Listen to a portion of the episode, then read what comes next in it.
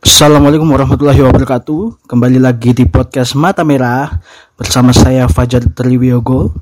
Uh, kali ini saya tidak akan membahas topik-topik seperti biasanya uh, karena setelah ini adalah sebuah record dari sesi safety share yang dilakukan oleh peserta FGWLP PT Indosi angkatan ketiga. Selamat mendengarkan.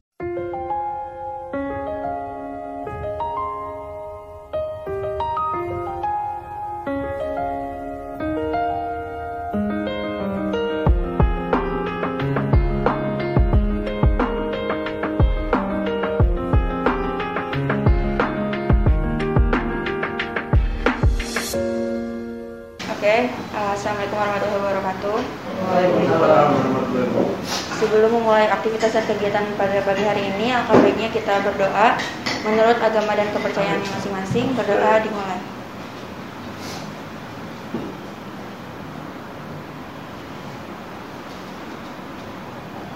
Berdoa dicukupkan.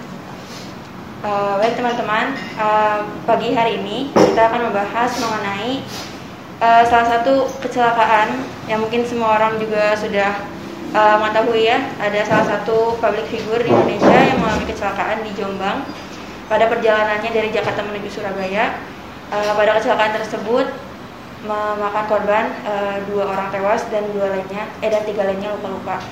Tanpa mengurangi uh, rasa bela sungkawa kita mari kita lihat dari kejadian tersebut apakah ada yang bisa kita pelajari dan jadikan uh, pelajaran dan kaca bagi kita sebagai cermin agar tidak melakukan kesalahan yang sama. Dari kecelakaan tersebut uh, dua alasan utama uh, diduga akibat mengantuk dan juga memainkan telepon genggam. Padahal memainkan telepon genggam sendiri uh, salah satu hal yang dilarang uh, pengemudi lakukan gitu karena pengemudi yang baik seharusnya mengemudi hanya melakukan aktivitas mengemudi saja tanpa melakukan aktivitas lainnya. Menurut teman-teman, kenapa sih mengemudi itu dilarang sambil menggunakan telepon genggam? Konsentrasi terpecah. Betul, konsentrasi paling utama. Apalagi karena manusia walaupun bisa dikatakan multitasking, tapi mengemudi dan juga menggunakan telepon itu suatu hal yang dua-duanya membutuhkan konsentrasi gitu. Gak bisa dilakukan uh, secara bersamaan. Semahir apa pun kita menge bisa mengemudi uh, tidak disarankan mengemudi sambil melakukan hal lain karena itu tadi bisa memecah konsentrasi. Dan uh, parahnya adalah mengemudi sambil memainkan telepon genggam ternyata menjadi alasan kecelakaan mobil uh, bisa dibilang terbesar karena satu dari empat kecelakaan mobil itu diakibatkan karena memainkan telepon genggam karena uh, terpecahnya konsentrasi tadi.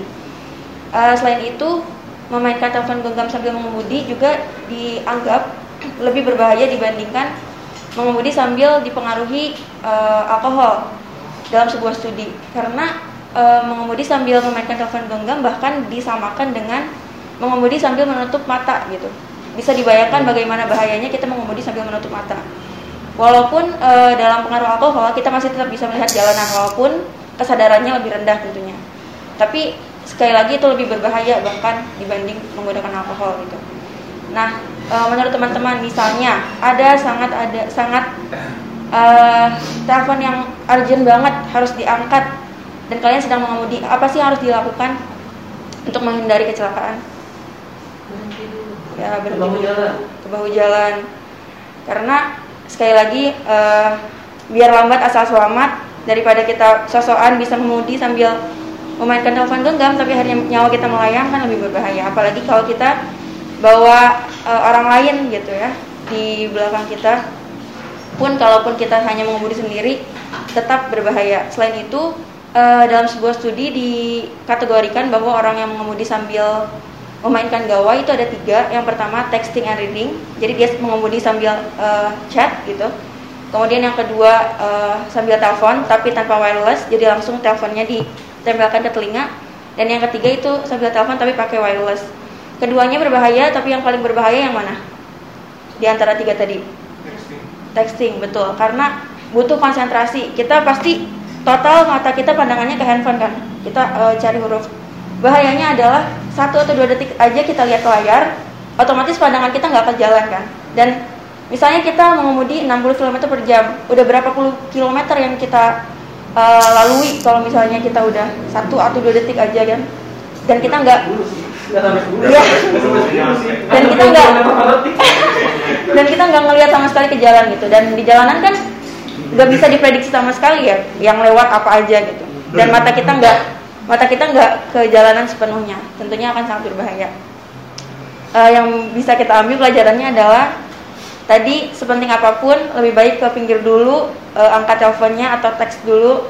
Uh, jangan melakukan aktivitas apa pun sambil mengemudi. Sekian yang dapat saya sampaikan. Uh, semoga bisa diambil uh, pelajarannya.